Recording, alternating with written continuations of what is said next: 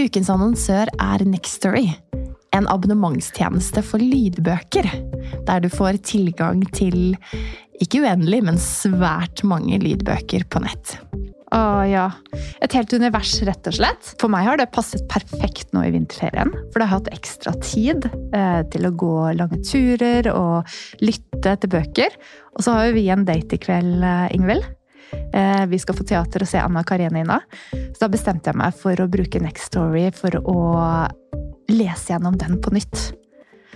Og det er bare helt fantastisk roman fra 1870-tallets Russland som jeg anbefaler alle å utforske, fordi den er like aktuell nå i 2024 som eh, den gang den ble skrevet. Men det er jo så fint, da, ikke sant? Og uavhengig av om eh, man har vinterferie eller mer tid til overs, så har man også disse små lommene i hverdagen. Du kan ha boken på øret, og du kan brette tøy, eller du kan sette på en klesvask, en oppvask, whatever å dykke inn i dette universet. Og det er jo det som er så fint. I, eh, I, tillegg, da, når uh, disse små dine kommer med den samme boken for 15. gang, Ingvild, og spør ja. mamma kan du lese denne, så er selvfølgelig det veldig hyggelig, men det kan også være eh, vel så hyggelig å, å få eh, boken servert fra noen andre, så kan man lytte sammen. Eh, vi har hørt mye på Albert Aabergs lydbøkene i Nextory, for det er et univers som både min femåring og min toåring elsker. Ah, det er fantastisk. Man kan finne så mye flotte verdener og opplevelser i gode bøker. Og du som lytter til oss, kan nå få seks uker med fri tilgang til Nextory hvis du går inn på linken nextory.no engler. Så gå inn der, bli med oss eh, og utforske bokuniverset. Og så håper jeg at du har like stor glede av det som vi har.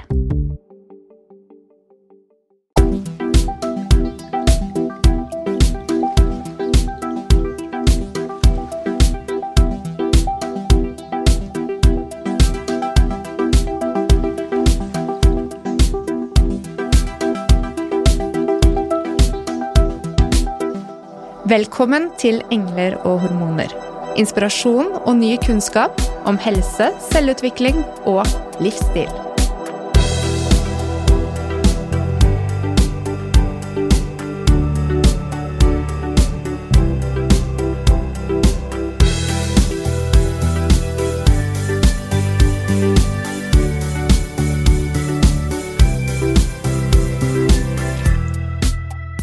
Vi har denne vinteren laget flere episoder som omhandler hormoner.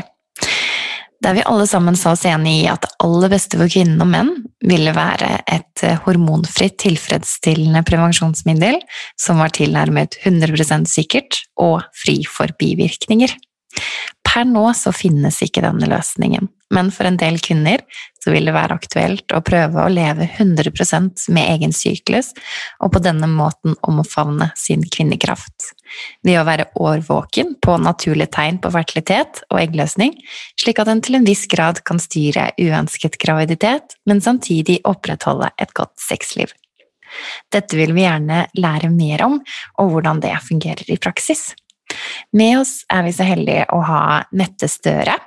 Hun skal fortelle mer om sin reise til en naturlig syklus. Og samtidig da, så er det viktig for oss, både Mona og jeg som helsepersonell, å understreke at denne episoden er for deg som er klar på hva du ville gjort dersom du opplever å bli uønsket gravid. At denne formen for syklusregistrering ikke nødvendigvis er for alle. Men Mette, hjertelig velkommen! Tusen, tusen takk. Det er en glede å være her og få lov til å snakke om noe som jeg elsker og brenner for. Så tusen takk for det. Så deilig å være sammen med dere også. Tusen takk. og vi gleder oss masse til å dykke videre ned i dette her, for dette her er jo noe som mange kvinner er nysgjerrig på. Og så er det mange som ikke helt vet hvor man skal starte. For man følger jo gjerne sånn et visst type løp fra man er i midten av tenårene og fram til man skal få egne barn, kanskje, en dag. Vil du fortelle oss litt mer om deg selv, Mette, og din syklusreise? Ja. Jeg kan starte med å bare ta litt om bakgrunnen min først. Veldig fint.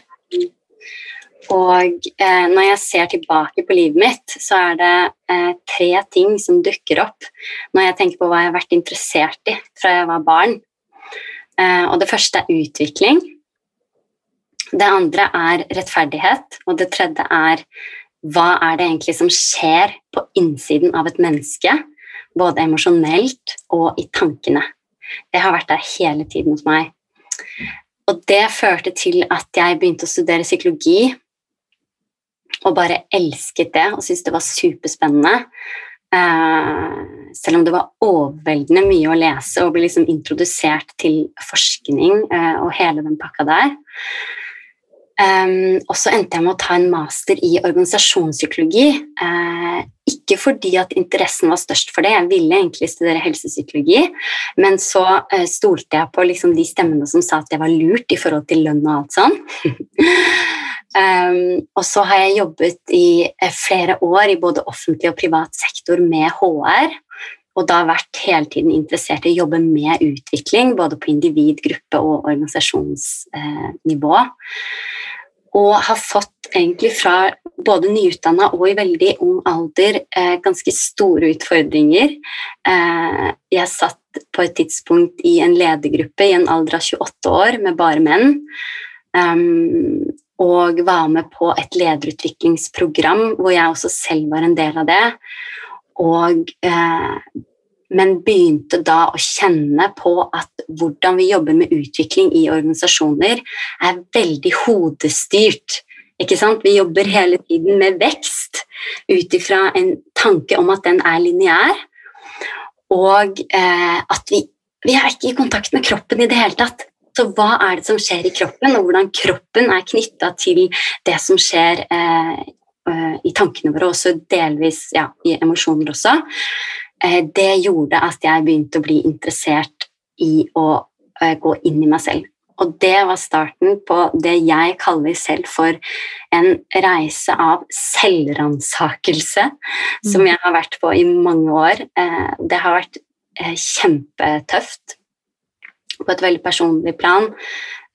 og også liksom i familiesituasjonen og alt det der. Å få barn og stifte familie i en sånn type situasjon. Men det var helt nødvendig Eh, for meg, for å rett og slett finne ut av hvem er jeg, og hvorfor er jeg her på denne eh, jorda. Um, og i den forbindelse så har da det å bli kjent med min egen syklus, og hvordan vi kvinner er sykliske vesen og ikke-lineære, sånn som min oppfatning er at vårt samfunn er bygd opp, det har vært veldig mye av nøkkelen for eh, hvordan jeg nå har bestemt meg faktisk for å leve livet mitt eh, som nå er snudd på hodet til å være bestemt og regulert ut ifra min egen menstruasjonssyklus. Og ja, kan du fortelle litt mer om hvordan denne reisen til å bli mer kjent med din menstruasjonssyklus, og hvordan du da klarte å ja, komme i kontakt med din egen kvinnekraft? da? Ja, gjerne. Eh, jeg husker veldig godt at jeg i en ung alder um, hadde behov for prevensjon. Så jeg dro på helsestasjonen med en av mine beste venninner, og vi fikk eh, faren hennes til å kjøre oss.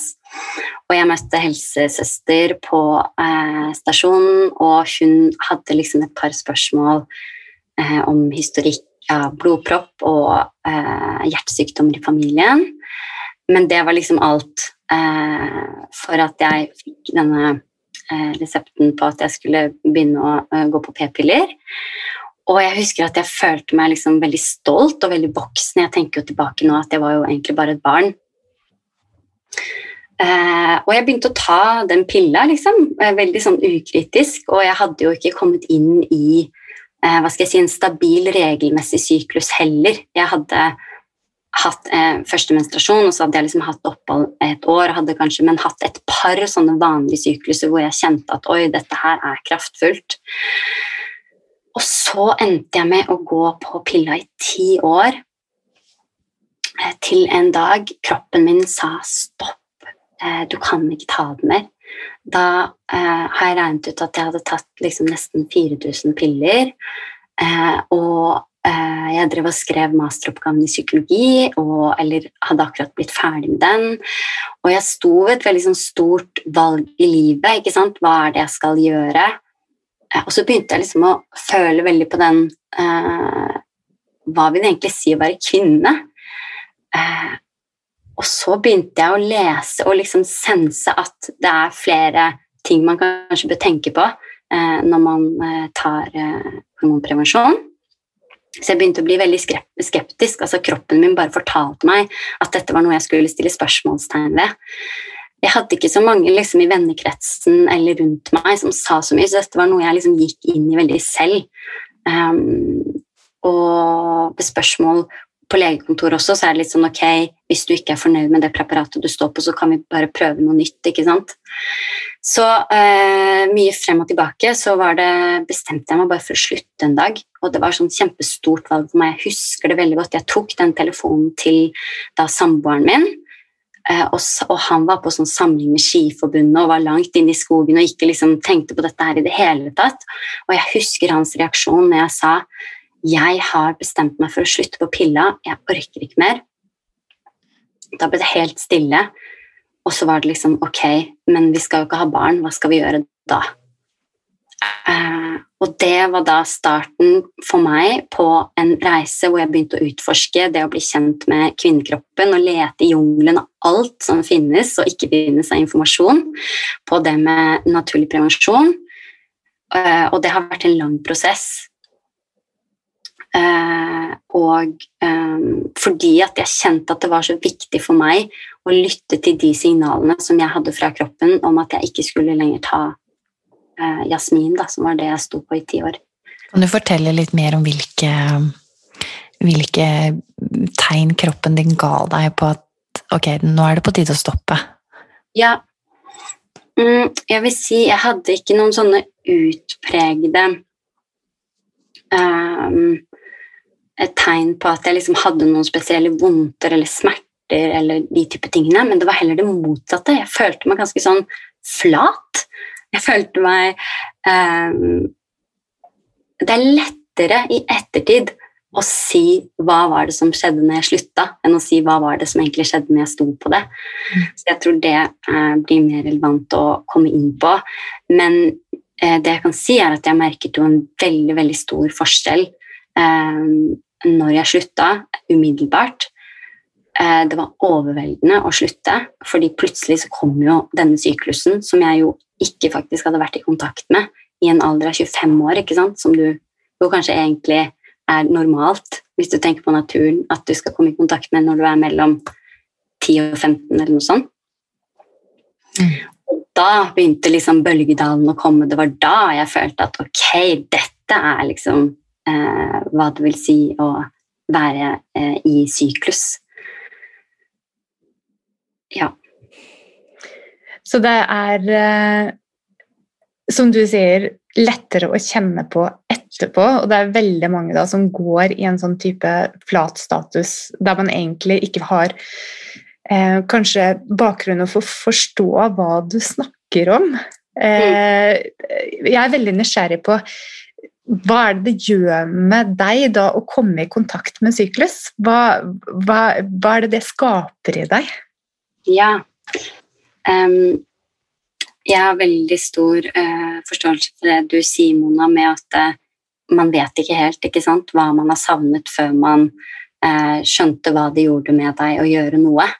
Mm. Så her er de tingene som jeg har til Jeg vil dele at liksom hovedmotivasjonen går litt i to spor. Og det ene for meg handler om å komme i kontakt med denne feminine kraften. Denne urkraften som vi jo er født til å ha med oss. Den er veldig nært knyttet med kreativitet.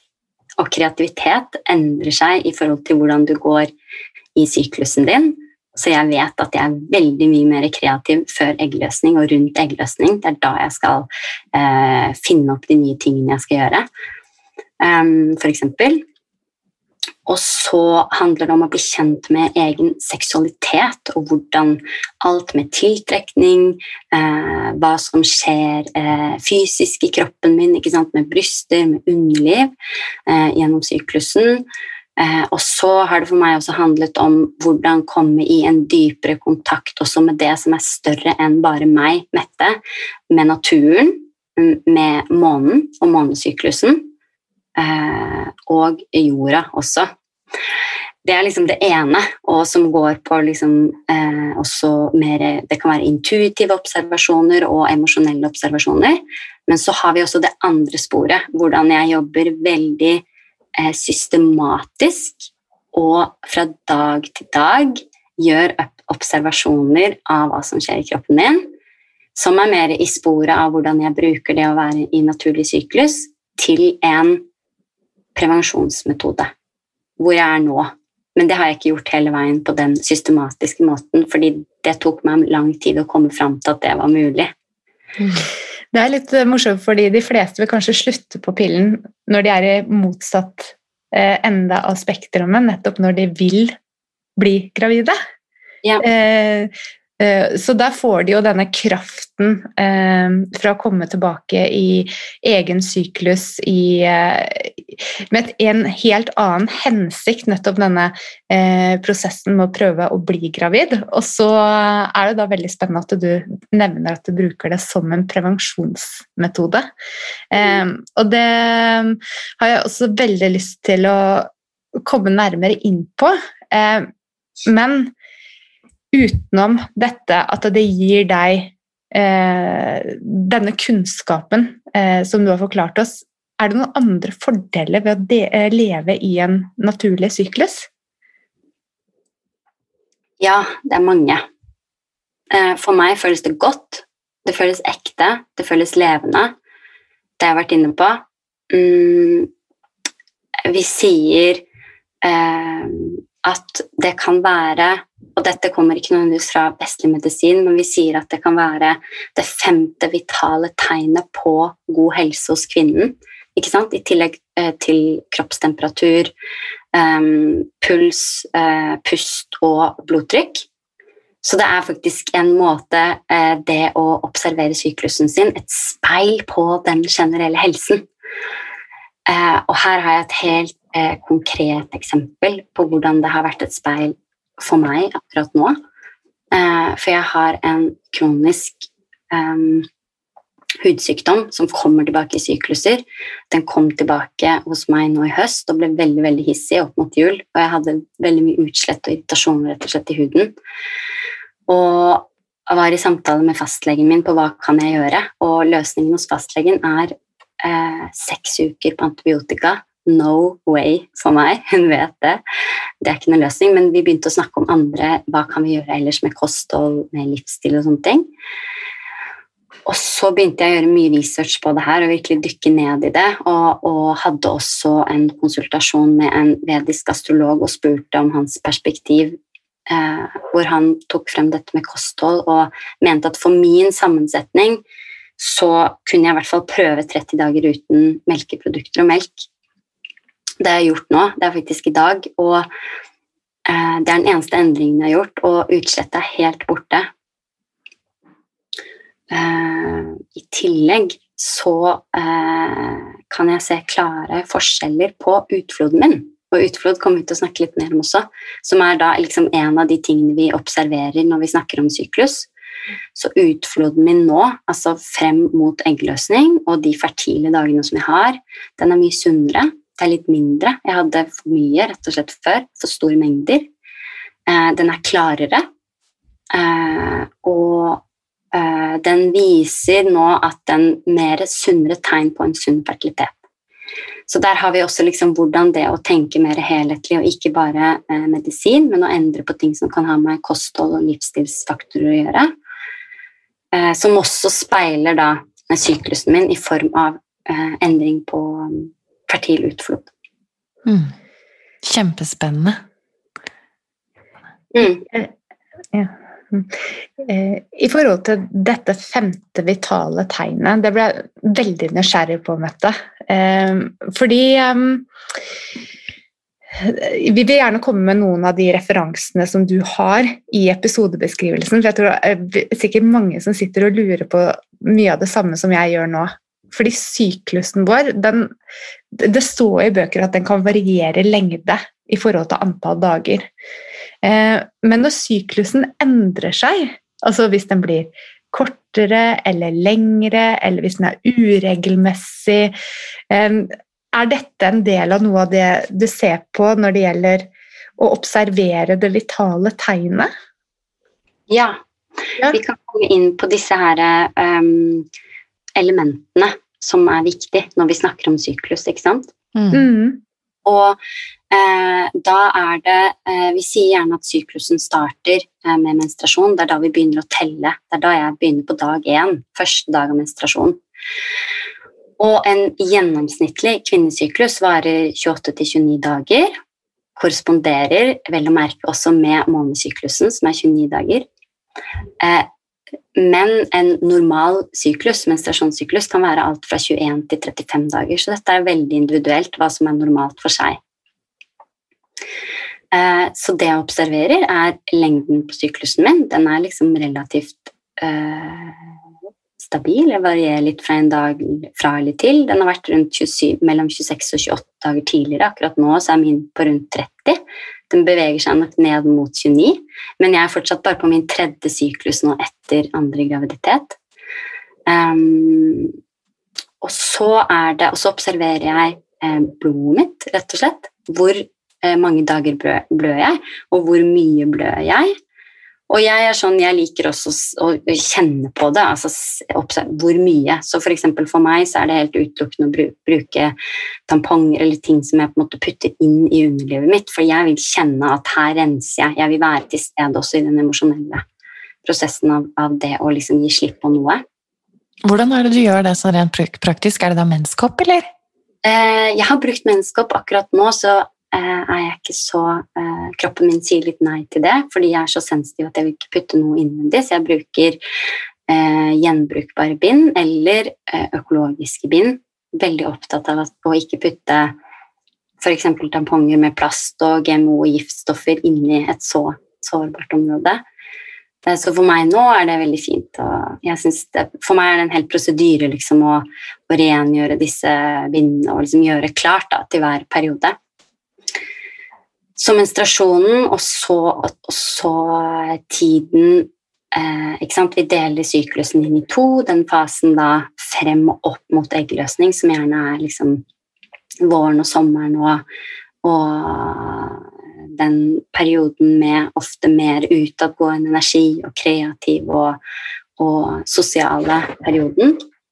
Og så er det eggløsningen, hvor jeg begynner de å observere utflodden min. Når er det utflodden kommer? Og da snakker jeg om det sunne, fertile slimet, som jo er eh, som du får Det er ikke sikkert at du har det når du står på f.eks. hvis du står på p-piller, men når du ikke gjør det, så er det jo helt vanlig å ha en utflod, og jeg observerer struktur farge og mengde.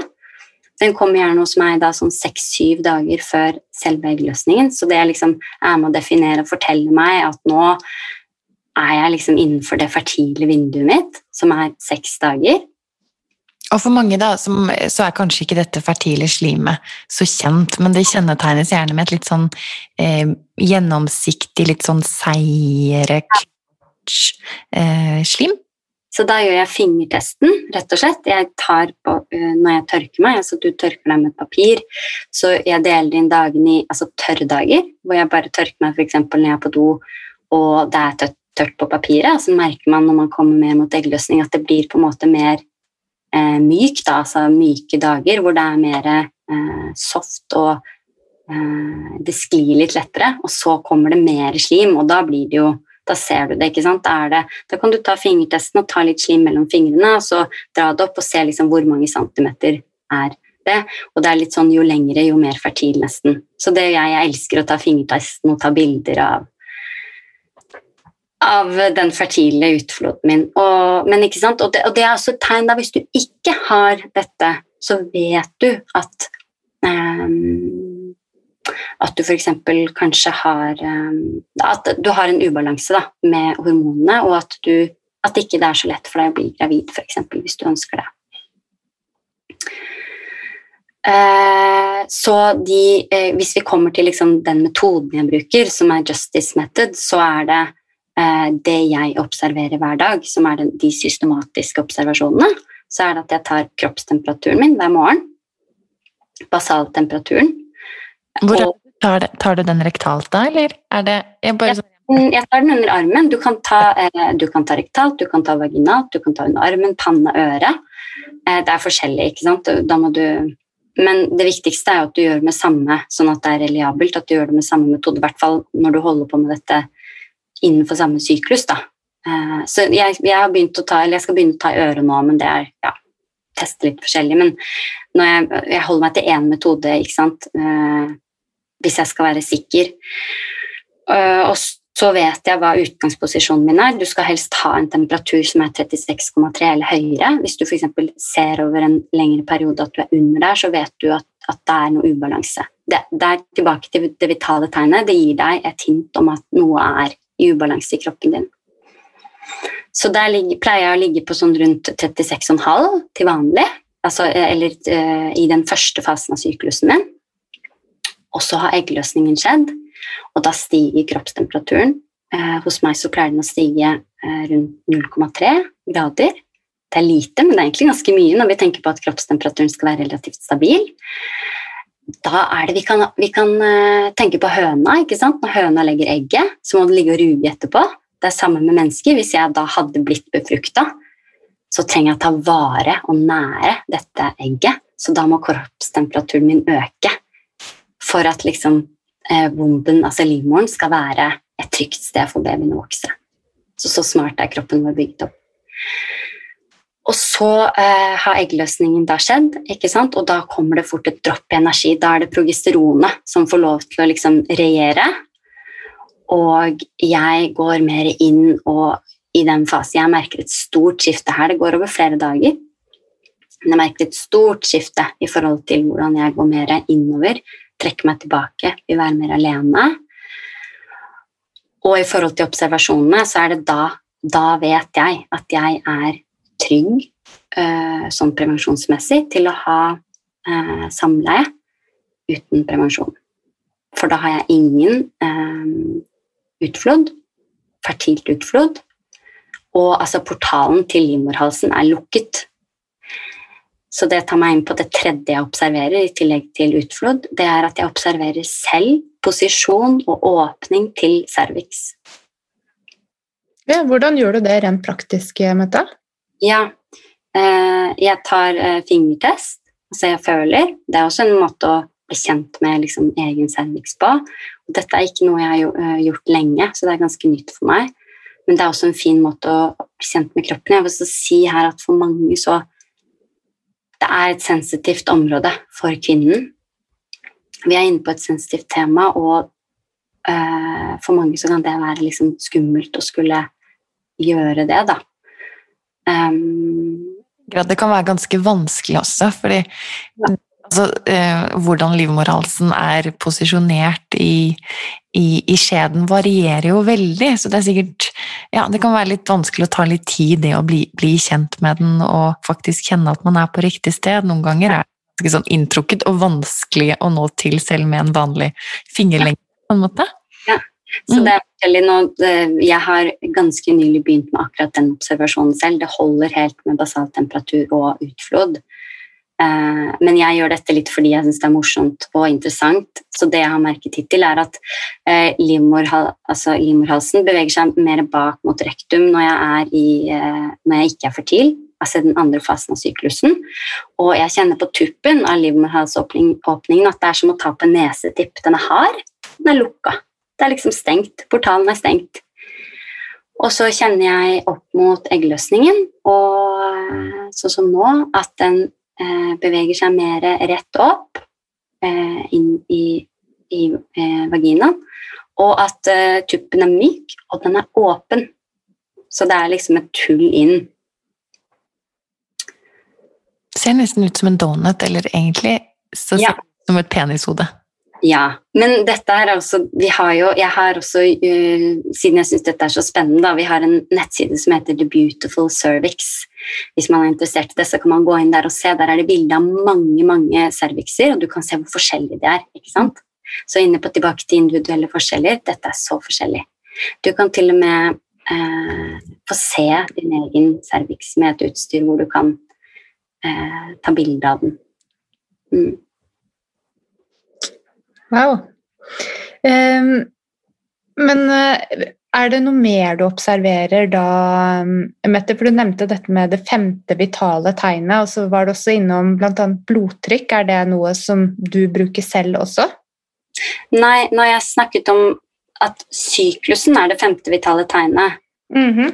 det er da i tillegg til disse fire andre, som typisk en lege eh, måler. ikke sant? Hvis du kommer til legen og sier at du har et problem med et eller annet, så tar du gjerne blodtrykket og tempen og pulsen og, og pusten.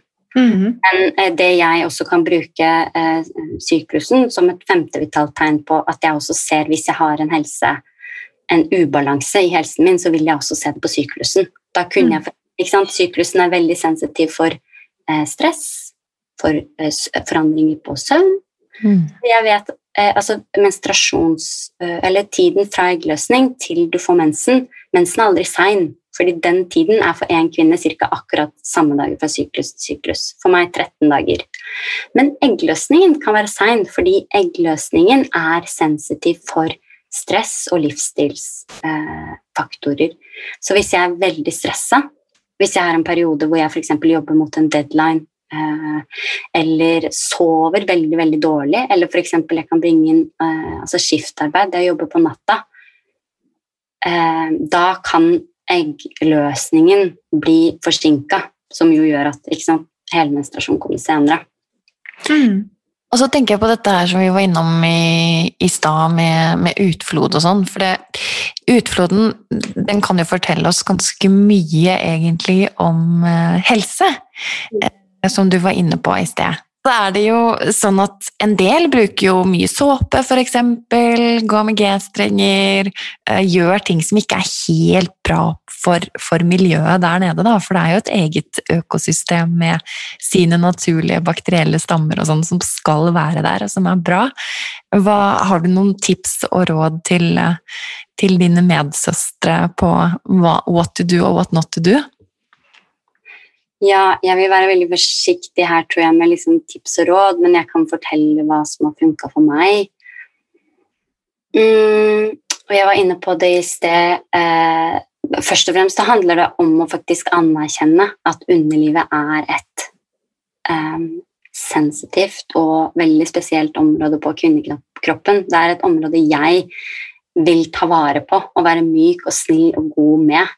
Så for meg så har det handlet veldig mye om å connecte og knytte nærmere bekjentskap til livmoren min og til det området her gjennom mye forskjellige praksiser av både yoga, meditasjon og liksom bevisstgjøring og alt sånn. Pust.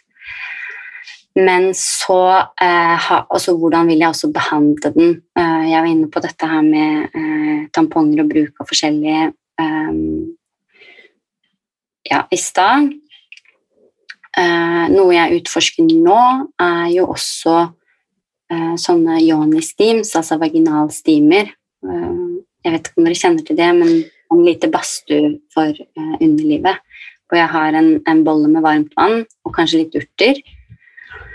Eh, som jeg står over i sånn 20 minutter, halvtime, som er en slags sånn renselse som jeg har nå begynt å gjøre før jeg får menstruasjonen. Um, kan du forklare litt mer om det, Mette? Fordi joni-steaming er noe som Det har jo vært sånn litt trendet siste året, kanskje. Vi har sett det litt hist og her, men jeg tror det er mange som ikke vet helt hva det er. Eh, fordi um, hvis du har en bolle med vann, og den skal ha damp i 20 minutter, så må den vel være ganske varm. Hvordan får du til dette sånn rent praktisk, og hvilke urter urter er det man bruker i badet? Ja, man kan jo eh, Man skal helst bruke ferske urter, da, og ikke essensiell olje, f.eks. De er veldig konsentrerte. Det var en sånn ting jeg nylig har lært. Um, og eh, altså jeg tar en, en bolle med kokende vann, og så tilpasser jeg avstanden til underlivet der hvor jeg kjenner at, at uh, at dampen kommer. Og jeg synes det er litt sånn For meg så er det viktigst at det gir en beroligende effekt. Jeg har hatt et ganske stramt bekken og underliv. Dette her vet jo du også, Mona, for jeg har vært hos deg. så jeg har måttet jobbe mye med å spenne av og slappe av, og ikke gå og holde på eh, alt sammen i hverdagen. Så for meg så er det en sånn Det er et lite ritual, liksom, et sånn omsorgsritual som jeg også gjør fordi jeg syns det er litt spennende å utforske. Eh, og så eh, vil jeg komme inn på eh, ja, Og så er det dette med kosthold også, selvfølgelig, som er kjempeviktig i forhold til hvordan jeg tar vare på kroppen min i de ulike fasene. At jeg f.eks. vet ja. Ja, det vil vi veldig gjerne høre mer om. Bare sånn generelt, da, at um, jeg trenger Altså kvinnekroppen trenger fett. Kvinnekroppen trenger eh, kalorier, karbohydrater. Og vi trenger kanskje ekstra mye av det i denne lutealfasen, altså perioden etter eggløsning og fram til og til og med menstruasjon. Så jeg unner meg å spise mye mer mat da tenke litt på jern, f.eks., under menstruasjonen. Eh, vi skal ikke være redd for å spise fett? Og vi skal spise godt. Og det er en grunn til det. Har du et barn som vokser i deg også, så er jo det mm, Så skal du nære det eh, fosteret også. Um, jeg har også funnet ut uh, at uh, jeg trenger å spise annerledes enn mannen min, ikke sant? fordi jeg er kvinne. Så jeg har begynt å interessere meg også for hva og jeg trenger kanskje å spise annerledes enn mine to venninner, som f.eks. har en større kroppsbygning enn meg. Så det er liksom disse tingene med å tilpasse og tenke hele tiden individuelt i tilpasning. Jeg har vært en lang periode f.eks. uten å spise kjøtt nå i en del år. Som stort sett. Jeg har begynt å introdusere kjøtt igjen, og jeg ser hvordan kroppen min craver etter å spise kjøtt i menstruasjonsfasen. Kjempeinteressant, syns jeg. Og dette finner jeg jo da ut gjennom at jeg tracker, altså jeg sporer hver syklus. Og jeg sporer ikke bare disse systematiske observasjonene som jeg gjorde i stad. Jeg skriver dagbok eh, hver dag, litt hver dag, om hvordan jeg har det emosjonelt eh, og, og også liksom andre fysiske ting, da, som er mer sånn 'Dette er hvordan jeg har det i kroppen'. Og jeg gjør det gjennom disse sesongene, da, som det sikkert er naturlig å komme inn på også, som vi mange kanskje har hørt om. At vi snakker om syklusen der. Syklus som at vi beveger oss gjennom årstidens sesonger med vinter og vår, sommer og høst. Ja, for vi har eh, naturen bak oss, eh, Mette. Og én ting er månesyklusen, og det andre er sesongene våre. Kan vi starte med det som eh, tar kortest tid? Månesyklusen. Og hvordan det Eh, ja, jobber, jobber, du med det i tillegg til syklusen eh, på noen spesifikk måte? Ja, og her vil jeg jo si at um, dette har jeg brukt år på fordi jeg syns det har vært interessant. Og en av de første damene når jeg begynte å lete, for å dra det litt tilbake til der hvor jeg var, når jeg slutta på pillen, og ikke helt visste hva jeg skulle gjøre med prevensjon, men nå begynte å lete og lese, og sånn, så fant jeg en dame som het Miranda Gray. Og hun var den første som snakket om å dele inn syklusen i disse fire sesongene. Og jeg syntes dette var så fantastisk, og hvordan vi kunne se på det å, å leve i syklus. Og hun snakker også om eh, månen. Hun har masse fine historier til hvordan. ikke sant? Før lyset kom, når vi levde, eh, når ukvinnen levde ute i naturen, så var det ganske vanlig for kvinnen å menstruere samtidig som nymånen eh, var til stede. Fordi da er det mørkt, ikke sant? så da er det lavere energi fra månen. Månen påvirker både væsker i kroppen vår og vannet på jorda. Det vet vi jo veldig godt med vannet, hvordan det også beveger seg i forhold til månen. Det er liksom energien lavest. Og det liksom gjenspeilet seg også i urkvinnen. ikke sant? Det var da de skulle menstruere og hvile og ta vare på seg selv og liksom gå inn i bobla si. Og så vet vi også da at eh, som jeg sa i sted, en gjennomsnittlig syklus er 29 dager, men den kan jo også være mindre og mer. Mm, men en månedssyklus er jo også 29 dager, så det er jo veldig vakkert, syns jeg, dette bildet på at disse to syklusene eh, ja, eh, sammentreffer da, med antall dager. Og da vet vi også, i og med at eggløsning kommer liksom sånn rundt midtveis Og her igjen, den kommer ikke alltid halvveis, som jeg var inne på i stad. Alt mellom jeg tror det er 10 og 24 dager eller noe sånt når eggløsningen kommer, er normalt. Selv om gjennomsnittet kanskje er rundt 15 eller 14 eller noe sånt. Men da korresponderte også ofte da, altså eggløsningen med fullmånen ikke sant, hos urkvinnene. Mm. Så har vi sett um, Så kommer jo liksom lyset, og vi har blått lys og alt det der, og, og ja, hvordan vi lever livene våre i dag, da med mye mer eksponering for det ikke-naturlige lyset. Men det jeg er litt opptatt av, eller jeg har vært veldig opptatt av å observere hvordan dette har vært for meg selv. Så den høsten før jeg eh, ble gravid igjen, så observerte jeg dette her gjennom et år. For jeg hadde en syklus som var helt liksom ikke synkront med månen. Og da vil jeg si at altså, Miranda Gray snakker om dette her å enten menstruere med nymånen og ha eggløsning på fullmånen, eller motsatt. Da er du på en måte i en litt annen type syklus hvis du eh, menstruerer på fullmånen, men har eggløsning rundt nymånen. Og så er det helt vanlig også å være liksom midt imellom og ikke korrespondere i det hele tatt. Men også en del av det yogiske perspektivet og disse historiene og liksom den gamle visdommen sier jo at det er noe i kvinnen som vil naturlig nok bevege seg inn mot månen hvis man er i balanse. Tilbake til hvor balanserte eh, tenker vi på helsen vår, da. Så jeg observerte dette gjennom et helt år, og jeg jobbet veldig spesifikt eh, både med liksom, ja, alt fra praksis, altså yogisk praksis, fordi vi har ting vi kan gjøre for å sende energi nedover og, og, og komme mer i kontakt med månen, men også veldig sånn intensjonelt, affirmasjoner, bønn, alt sånn.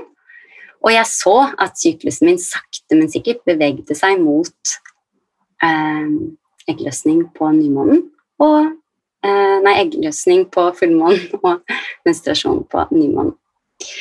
Jeg tenker at vi har jo et, en stor jobb foran oss for å eh, overlevere denne informasjonen og denne kunnskapen til de eh, unge jentene som mm.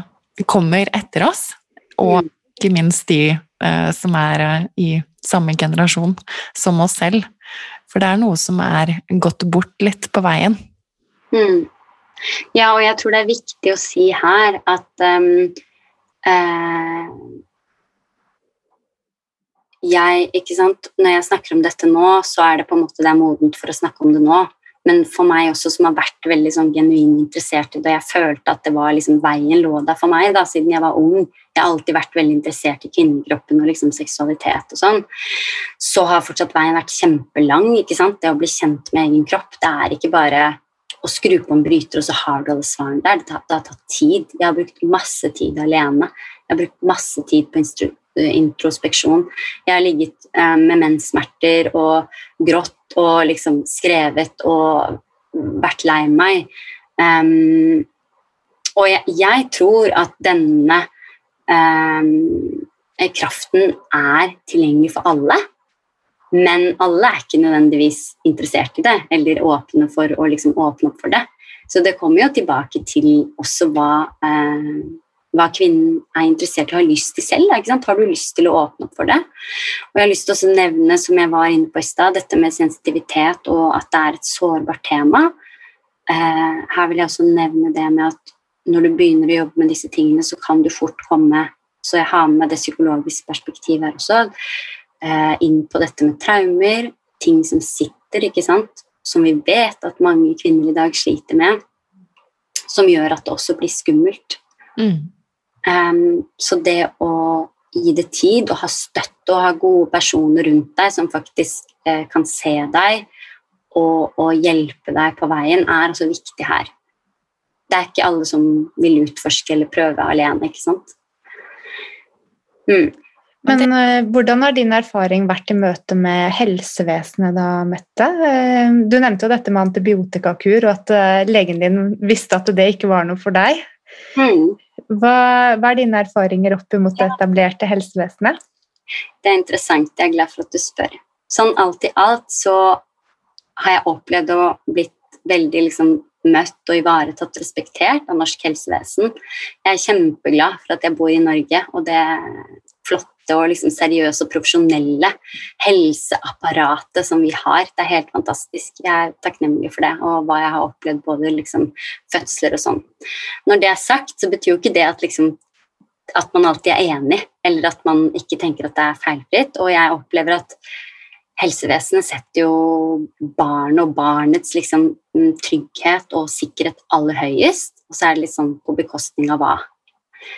Eh, et ord som dukker opp for meg her nå, er kontroll.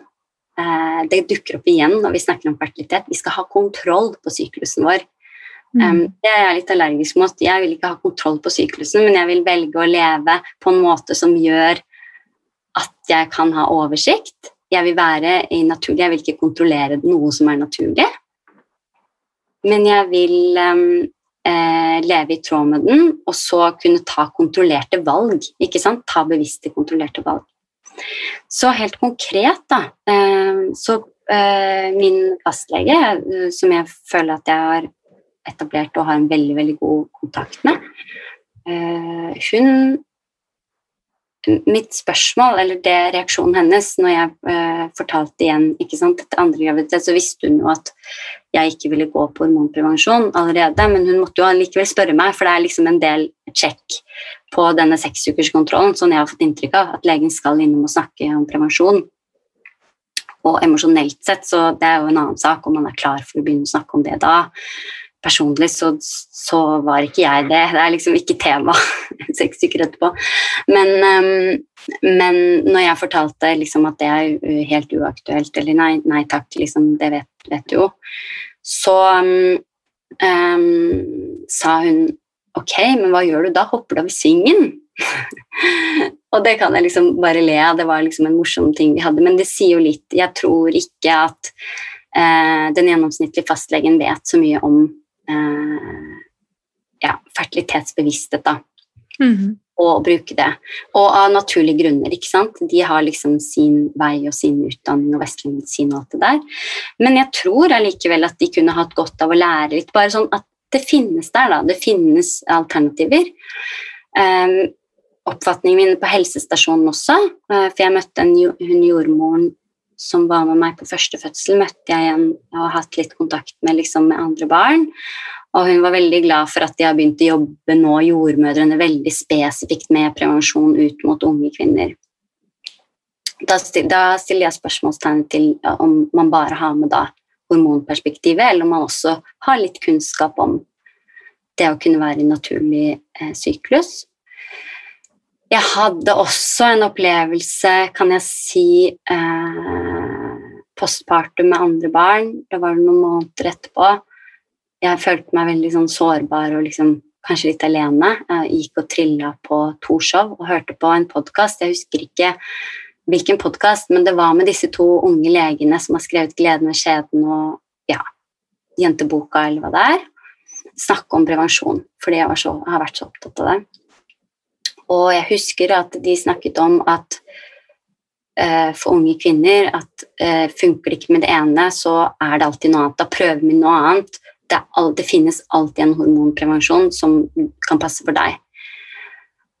Og jeg gikk og gråt. Jeg gråt og gråt og gråt når jeg hørte på det, fordi jeg syntes det var så forferdelig å tenke på at det finnes kvinner der ute som har tydelige signaler fra kroppen sin på at de ikke skal ta hormoner. Og jeg har min historie. Og her har vi unge leger som har en viktig stemme der ute, som sier at men bare fortsett, kjør på. Um, og jeg har veldig respekt for den jobben de gjør, og jeg må bare si det også. Og de har gjort en fantastisk jobb, men jeg tror at, uh, at fastlegene og også sant, unge, uh, vår generasjon også, eller min generasjon, som disse er i, har godt av å få vite litt mer om fertilitetsbevissthet, da. Og alternativene som finnes. Kjempeviktig, men hva er det som på en måte er alternativet? Jeg tenker jo at det aller beste er om man finner noe som er tilnærmet 100 sikkert og hormonfritt, sånn som vi snakket om i, i innledningen, som ikke har uh, for mange bivirkninger, eller helst ikke bivirkninger i det hele tatt. Men tenker du oppriktig på en måte at denne type observasjoner av egen syklus er trygt nok for en jente på 15 år som skal debutere seksuelt, liksom? Um, det kan ikke jeg svare på, men jeg kan absolutt si at det, man må ta disse faktorene med alder og livssituasjon veldig seriøst. Mm. Um, og jeg tenker at uh, det er mer ikke sant? Grunnen til at jeg kunne når jeg ble gravid med første barn, så brukte jeg helt intuitivt. Det var også med tanke på at det er ikke krise nå hvis jeg blir gravid. Men det gikk jo fortsatt uh, to år, og det gikk bra. Men jeg tenker fortsatt igjen For meg, når jeg var 15 år, hvis jeg hadde hatt en helsesøster som fortalte meg for litt mer om bivirkninger, eller potensielle bivirkninger, og snakket f.eks. mer eh, på en annen måte om kondombruk. Da. Eller hvis Vi hadde en, vi har jo en kulturell jobb å gjøre. Vi vet jo f.eks. at Norge ikke er blant toppen på bruk av kondom. At ikke det liksom er tabu å bruke det. Hvis man ikke føler for å gå på piller, så hadde jeg kanskje liksom hatt med meg et litt annet perspektiv. Og så kan jeg jo si det at Justice Method, som jeg bruker for prevensjon, det er ved riktig bruk 99,6% sikkert. Det er samme som ved mange andre hormoner. Så en, for meg er jo det vinn-vinn. Helt hormonfri, helt sikker. Eh, når jeg kjenner metoden godt. Og her vil jeg også understreke at eh, jeg har hatt støtte og hjelp og eh, studert dette her og, og, og, fra en sertifisert fertilitetscoach. Så det er jo noe du må bruke tid på å sette deg inn i. Men når du først kan det, så er det ikke masse jobb hver dag. Det går av seg selv. Jeg går på do, så jeg tørker meg. Det gjør man jo alle, så det tar noen sekunder ekstra. Um, og, men jeg tenker ikke at idealet er et samfunn hvor ingen går på hormoner. Absolutt ikke. Jeg tenker at det har en veldig viktig plass, og kanskje spesielt for unge kvinner som er i en situasjon hvor de trenger prevensjon. Um, men jeg tenker at eh, vi har en jobb å gjøre med å kommunisere at det fins alternativ, For jeg opplever at eh, det er eh, veldig eh, overvekt av den hormonelle tilnærmingen, da, for å si det sånn. Og så opplever jeg jo også at um, sånn at, Som gjør at uh, unge kvinner tenker at det er, bare, det er bare sånn Vi bare begynner på det fordi det er en del av kulturen vår. Det er mm. ikke noen andre alternativer. Og eh, når vi kommer inn på det også, så må jeg si ikke sant, det er jo ikke bare prevensjon. Det er jo mange som står på det, som ikke trenger prevensjon. fordi det, det skrives jo ut for å eh, holde i sjakk andre typer eh, sykdommer, eller liksom ubalanse, da, som uregelmessige sykluser, store blødninger, fravær, ikke sant eh, hudproblemer, kviser. Mm, mange står jo på det eh, på, med den bakgrunnen, og ikke fordi de trenger prevensjon. Og så finnes det visse tilstander hvor det å faktisk ikke ha menstruasjon er eh, det eneste som, eh, som, er vist å fungere, som f.eks. ved endometriose for å hindre utvikling av sykdom. Så det er også viktig å understreke. Har du noe mer, Mona, som du eh, tenker at det er viktig å komme inn på her. Vi har jo en stor jobb eh, med å normalisere syklus og normalisere alt som går på kvinners helse, og det å finne tilbake til denne kvinnekraften og normalisere det meste ja, som har, har, med kvinners helse å gjøre, da. og underliv, ikke minst. Ja, jeg, jeg, tenker mye på at jeg har to døtre selv. Um, Eh, som, eh, som, jeg har sagt siden de var små når det gjelder kvinnehelse, at en av mine viktigste verdier og det som driver at jeg har stor passion for kvinnehelse, er nettopp hva de skal møte når de blir voksne og kommer ut i livet. Eh, og jeg har jo lyst til at de skal lære om sin kropp slik den er naturlig, som et grunnlag for å kunne ta gode valg for seg selv i samråd også med helsepersonell som har et helhetlig perspektiv på alternativene både innenfor den naturlige syklus og eh, hva vi kan hente av ressurser innenfor medisiner der det er nødvendig. Eh, men jeg tror, jeg tror, vi er litt analfabete når det gjelder vår egen fysiologi. og, og kraften som ligger i som Mette sier også, da, eh, å kjenne sin egen syklus, men også hva det kan føre til hvis vi appliserer og planlegger arbeidshverdagen, som vi har vært inne på før, eller trening, som vi også har vært inne på før, eh, i forhold til syklus, for det ligger en ekstra dimensjon i kvinnens fysiologi som vi kan utnytte. og jeg syns det er så viktig at vi snakker om det. Og um, jeg håper at lytterne som lytter til oss, også sitter og føler dette er verdt å dele med alle kvinner, sånn at vi kan få ut kunnskapen og fortsette å løfte diskusjonen som vi har her nå. Da. Mm. Ja, og det er så viktig. Altså, jeg, har, eh, jeg, skulle gjerne samarbeidet med leger og jordmødre og samarbeidet bredt på dette feltet. fordi at det å snakke sammen og utveksle erfaringer, utveksle kunnskap, sånn at fremtidens kvinner, de som er unge nå, kan få bredere informasjon om hele den reproduktive helsen, mm. få informasjon om hvordan syklusen går i faser, som jo den gjør, heller enn kanskje bare sånn som jeg husker da, eh, fra uh, ungdomstiden, at det var veldig fokus på liksom Bruk kondom eller piller hvis du skal ha samleie, ikke sant. Men at det faktisk er en kvinnerett å få den informasjonen her tidlig. Og det er jo liksom med de små vi må begynne. Og én ting er liksom ungdomstiden, men bare med barna, sånn som jeg skrev til dere også. ikke sant? Jeg lærer sønnen min på fem år om menstruasjonssyklusen. Selvfølgelig ikke Jeg er jo superentusiast, jeg skal ikke liksom tre dette over hodet hans, men hvis han kommer inn, så forteller jeg ham liksom dette er eh, dette er blod, jeg blør litt hver måned, og da trenger mamma mer hvile. Jeg lærer han at når kvinnen er i den fasen, så må faktisk eh, resten av familien gi rom til det. Mm. Um, jeg er ikke der like til stede for han. Jeg vil at det, skal, at det skal han lære. Og jeg tror også at det er ikke bare kvinner som trenger å lære om det her, menn må også. Ikke sant? Mm. Mannen min vet at når jeg står og danser klokka syv på morgenen med barna og roper og skriker, da vet han liksom Ok, nå er det eggløsning. det er liksom Mettes tegn. Og når jeg han merker på energien at jeg trekker meg tilbake. Vi er mye lenger fra hverandre sånn emosjonelt sett i vårt parforhold når jeg er før menstruasjon under menstruasjon. Så det er liksom vi også hvordan lever du et familieliv og et samliv. Um, ja. Også, syklusen. Og så er det jo det ikke minst at gjerne, man opplever jo gjerne en økt sexlyst når man uh, ikke eh, står på hormonprevensjon. Det er jo en veldig uh, ja, noe som er kjempefint også for samlivet. For mange kan jo oppleve at Oi, tenner jeg egentlig på samboeren min? Hva, hva, er det som skjer nå? Er det, er det noe feil med oss? Eller er dette her for noe? Så det er også viktig å få informasjon om.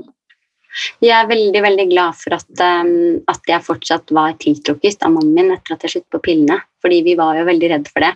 Fordi man vet jo også fra forskning sant, at uh, når du står på hormoner, vi kan sammenligne det. Mange hormonpreparater gjør at du faktisk har eh, den hormontilstanden som du har når du er i overgangsalderen.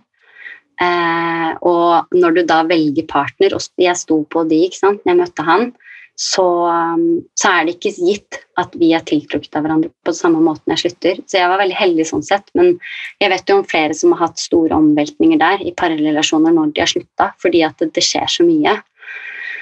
Um, og um, det er liksom en del av den reisen også, at, vi, at, han også beveger seg mer i syklus faktisk, med å leve med en kvinne som er syklisk. Da. Mm. Um, ja, samme etter fødsel, uh, når jeg ikke var i syklus på 15 måneder, og det er kjempemye å si for uh, ja, sexlyst, f.eks. Ja, så jeg vil bare referere tilbake til den studien som jeg vet også ble nevnt da dere intervjuet uh, kvinnegynekologen, med mm. at, at, de har testet uh, hormoner på menn også som prevensjonsmiddel, og den stunden har blitt avvist fordi at det i tidlig fase viste at, at um, uh, sexlysten synker. Og jeg syns ikke det er ironisk i det hele tatt. Ja. Jeg syns det er kjempealvorlig at med, når det gjelder menn, så er det ikke snakk om uh, at uh, vi kan uh, At de kan få mindre sexlyst, men vi vet jo at hormonprevensjon påvirker sexlyst. Og så tilbake til dette med eh, slim og utflod. Dette er jo en annen type, men, men eh, det, den væsken som kommer når man blir opphissa, at det er for mange fordi det påvirker testosteronnivået, som kvinner har så lite av fra før. Eh, så vi vet jo at den væsken er det kanskje for mange mindre av hvis du står på et preparat. Helt avhengig av preparatet også her, selvfølgelig, og det skjer ikke nødvendigvis for alle, men allikevel så bare godtar vi at det er greit for kvinnen. Mm. Og jeg vet eh, også med erfaring, men det jeg har lest av forskning, at det, det nivået her kan bestå til og med opptil ti år etter at du har sluttet på pillene. Så hvis du allerede sant, Vi har lite testosteron som hjelper oss til dette med opphisselse, og, og det eh, er lite, og så går du i tillegg på piller, så er det kanskje vanskelig. Det har masse å si for å ha et fint eh, samliv med partner. Det er min erfaring. Mm. Jeg synes Det er litt spennende å se på at det er ganske mange som står på hormonpreparater i lang lang tid uten å reflektere over nettopp de tingene du gjorde da, Mette. Eh, fordi eh, i den episoden som du nevnte, så snakket vi om dette med at man kunne få plutselig mer mellomblødninger, og at man får sterke signal da, på at kroppen ikke fungerer optimalt på hormonpreparatet. Eh, men så, men så, er det blitt så naturlig for mange å stå på et hormonpreparat, og det å ta det bort, det føles heller ikke riktig. Um, fordi det er en type trygghet. Uh, og selvfølgelig, det er vikt, et viktig poeng at det har gitt kvinner eh, også en viktig måte å kunne bestemme over egen kropp på eh, i forhold til når prevensjon kom, at vi faktisk har eh, mulighet til å unngå å bli gravide hvis vi ønsker, eh, på en annen måte enn den naturlige måten som du beskriver. Så mange vil jo også eh, kjempe for det som en kvinnesak, ikke sant? At ja. det har en viktig plass i samfunnet vårt. Men det er mange spørsmål vi trenger å stille oss selv. Mm. Og jeg kan også si det at selv åtte år etter at jeg har sluttet på pillen, så kan jeg bråvåkne eh, på kvelden og, og, kjenne på den følelsen av å ha glemt å ha tatt bilde. Fordi at jeg har tatt, eh, tatt, det så mange år og vært så trofast. Mm. Og det, det, sier litt om hvor dypt det sitter i kroppen det er noe som jeg ikke sant? Hvor, hvor vaneskapen, det vet vi ikke sant? Vi er vanedyr. Vi liker å gjøre det vi alltid har gjort. Så det er skremmende for noen å liksom begynne å vurdere og tenke at liksom det i det hele tatt er et alternativ å slutte. Mm. Før du eventuelt kommer til det at du har lyst til å bli gravid, da, da, bare liksom, da er det greit, for da har du en, en på en måte konkret motivasjon til det. Mm. Da sier jo ofte liksom min oppfatning, eh, leger og gynekologer i Norge, at du, eh, det går fint. Du, de fleste blir liksom raskt gravid. Eh, min oppfatning av det jeg har lest bredere, er at vi kan ikke regne med at det skjer med det første. For noen tar det mye lengre tid også enn tolv måneder, hvis man har gått på hormoner i mange, mange, mange år sammenhengende. Mm. Så vi kan ikke liksom slutte når vi er 34 og regne med at vi får barn når vi er 35, liksom. Mm. Nei, vi, eh, vi må lytte til kroppen vår. Eh, kan jeg få driste meg til en liten oppsummering nå, Mette? Fordi ja. Veldig mange spennende poenger som har kommet opp, men for de som da har lyst til å lære seg å tracke sin egen syklus, eh, så har du da satt frem det å ta temperaturen på samme sted til tilnærmet samme tid hver dag. Er det også et poeng? Ja, det skal være samme tid hver dag. Det kan være eh, pluss-minus én time.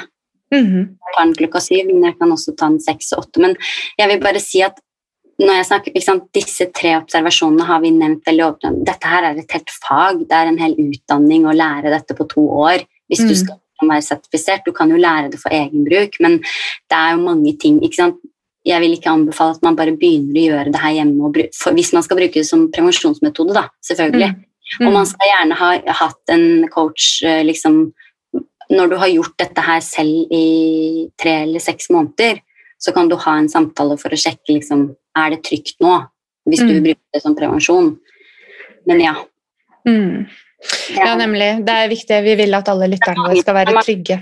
Ja, det er mange detaljer her, men ja, kroppstemperatur og Og slim? Og slim, og eventuelt også selveksposisjon. Men det er forskjellige retninger her også, så det er sikkert andre ting. Men dette er den metoden som jeg bruker, da, som funker bra for meg. Ja, og så, og så, skriver du da ned hvordan du føler deg for å bli kjent med din egen syklus, og tracker dette over litt lengre tid for å få ditt kart over din egen hormonelle syklus. Ja. ja.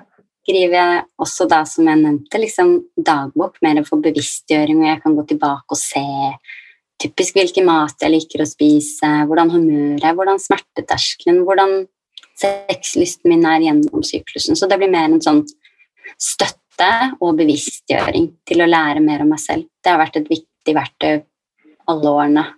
Mm. mm. Men da er vi nysgjerrige på hvordan du lytter til din kropp, Mette. Fordi eh, det er jo noe med at du nå har gjort dette mange år, og kanskje kan overføre litt av din visdom eh, til oss med å kanskje guide oss igjennom en sånn typisk ja, dagsinnsjekk for deg, da. Hva er det Hvor er Mette når hun eh, skal eh, finne eh, sin form? Eh, og så tenker jeg vi kan avslutte med det, slik at eh, lytteren vår kan få lov til å få bli i eh, seg selv når du har guidet oss inn i en dyp samtale med vår egen kropp. Mm. Så da tror jeg bare sier ha det bra og tusen takk for at du ville komme til oss, Mette. Ja, tusen takk. Kjempefin informasjon og til inspirasjon for så mange kvinner. Nå gleder vi oss masse til en uh, meditasjon med deg. Ja, tusen, tusen takk for meg, og tusen takk for den fantastiske jobben dere gjør nå også i covid-tiden med podkasten. Det er så viktig. Tusen takk, Mette. Scenen er din. Ja. Ok, så jeg har lyst til å invitere dere med på en liten praksis nå på slutten av denne podkasten, som jeg har valgt å kalle 'Nærmere følelsene'. Som kan være en praksis for hvis du har lyst til å bli bedre kjent med følelsene dine, men også en bevisstgjøringspraksis i det å bli mer kjent med hvordan kroppen, hvordan kvinnekroppen endrer seg syklisk. Så hvis du har muligheten til å sette deg ned og ta to minutter med øynene lukket, så kan du gjøre det. Men jeg vet også at de fleste som hører på podkast, gjør det mens de gjør noe annet, lager middag eller går tur eller et eller annet. Men det betyr ikke at du ikke kan være med. Du kan allikevel rette bevisstheten din eh, på det vi skal gjøre sammen nå. Så eh, du kan få lov til å starte med å plassere venstre hånd din på hjerteområdet, på brystet ditt, og høyre hånd din på nedre del av mage. Hvis det kjennes naturlig og greit for din kropp. Det skal alltid være en slags aksept eh, når vi tar på kroppen vår, at det er greit for henne.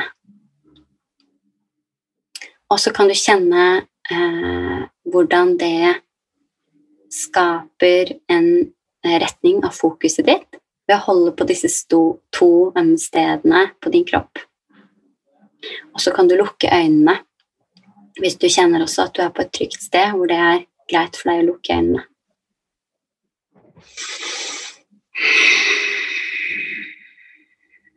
Så kan du ta noen dype pust, eller puste så dypt som kroppen din er tilgjengelig for akkurat nå.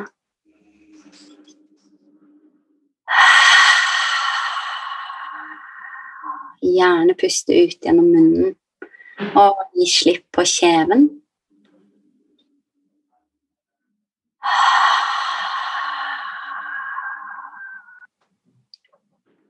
Og så kan du spørre deg selv hvordan kroppen din har det akkurat nå. med bevissthet på hjertesenteret og senteret over livmor. Også hvis du ikke har livmoren lenger, så kan vi fortsatt rette oppmerksomheten på dette veldig spesielle området.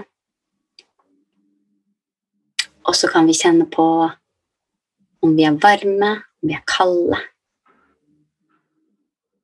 om vi føler at vi er sultne eller tørste eller mette. Kanskje vi føler oss glad eller lei oss. Kanskje har du en iver. Kanskje kjenner du at det er litt spent. Du har litt vondt et sted, eller ubehag. Eller kanskje du føler at det er åpent. Det er bare du som vet hvordan det kjennes for deg. Kanskje kjenner du ikke så mye i det hele tatt. Det er også helt vanlig. Dette er en praksis som det kan ta lang tid å komme dypere og dypere inn i. Men jeg vil at du skal velge de tre følelsene som er mest til stede for deg akkurat nå. Og så kan du visualisere at de tre følelsene er rett fremfor deg akkurat nå. Så du stiller de opp på en rekke etter hverandre og nevner de for deg selv. Jeg føler meg prikk, prikk, prikk. Jeg føler meg nå prikk, prikk, prikk. Så siste.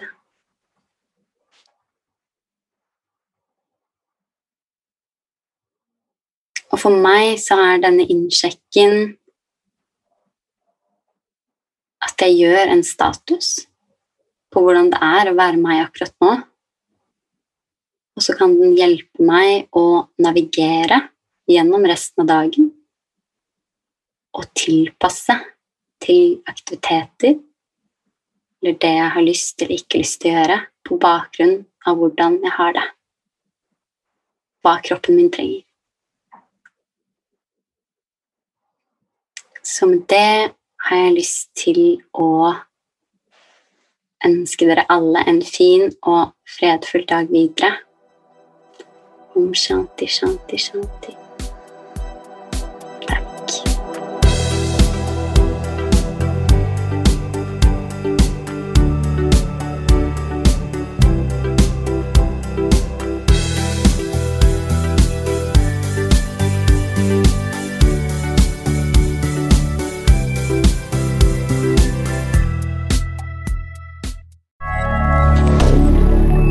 免掉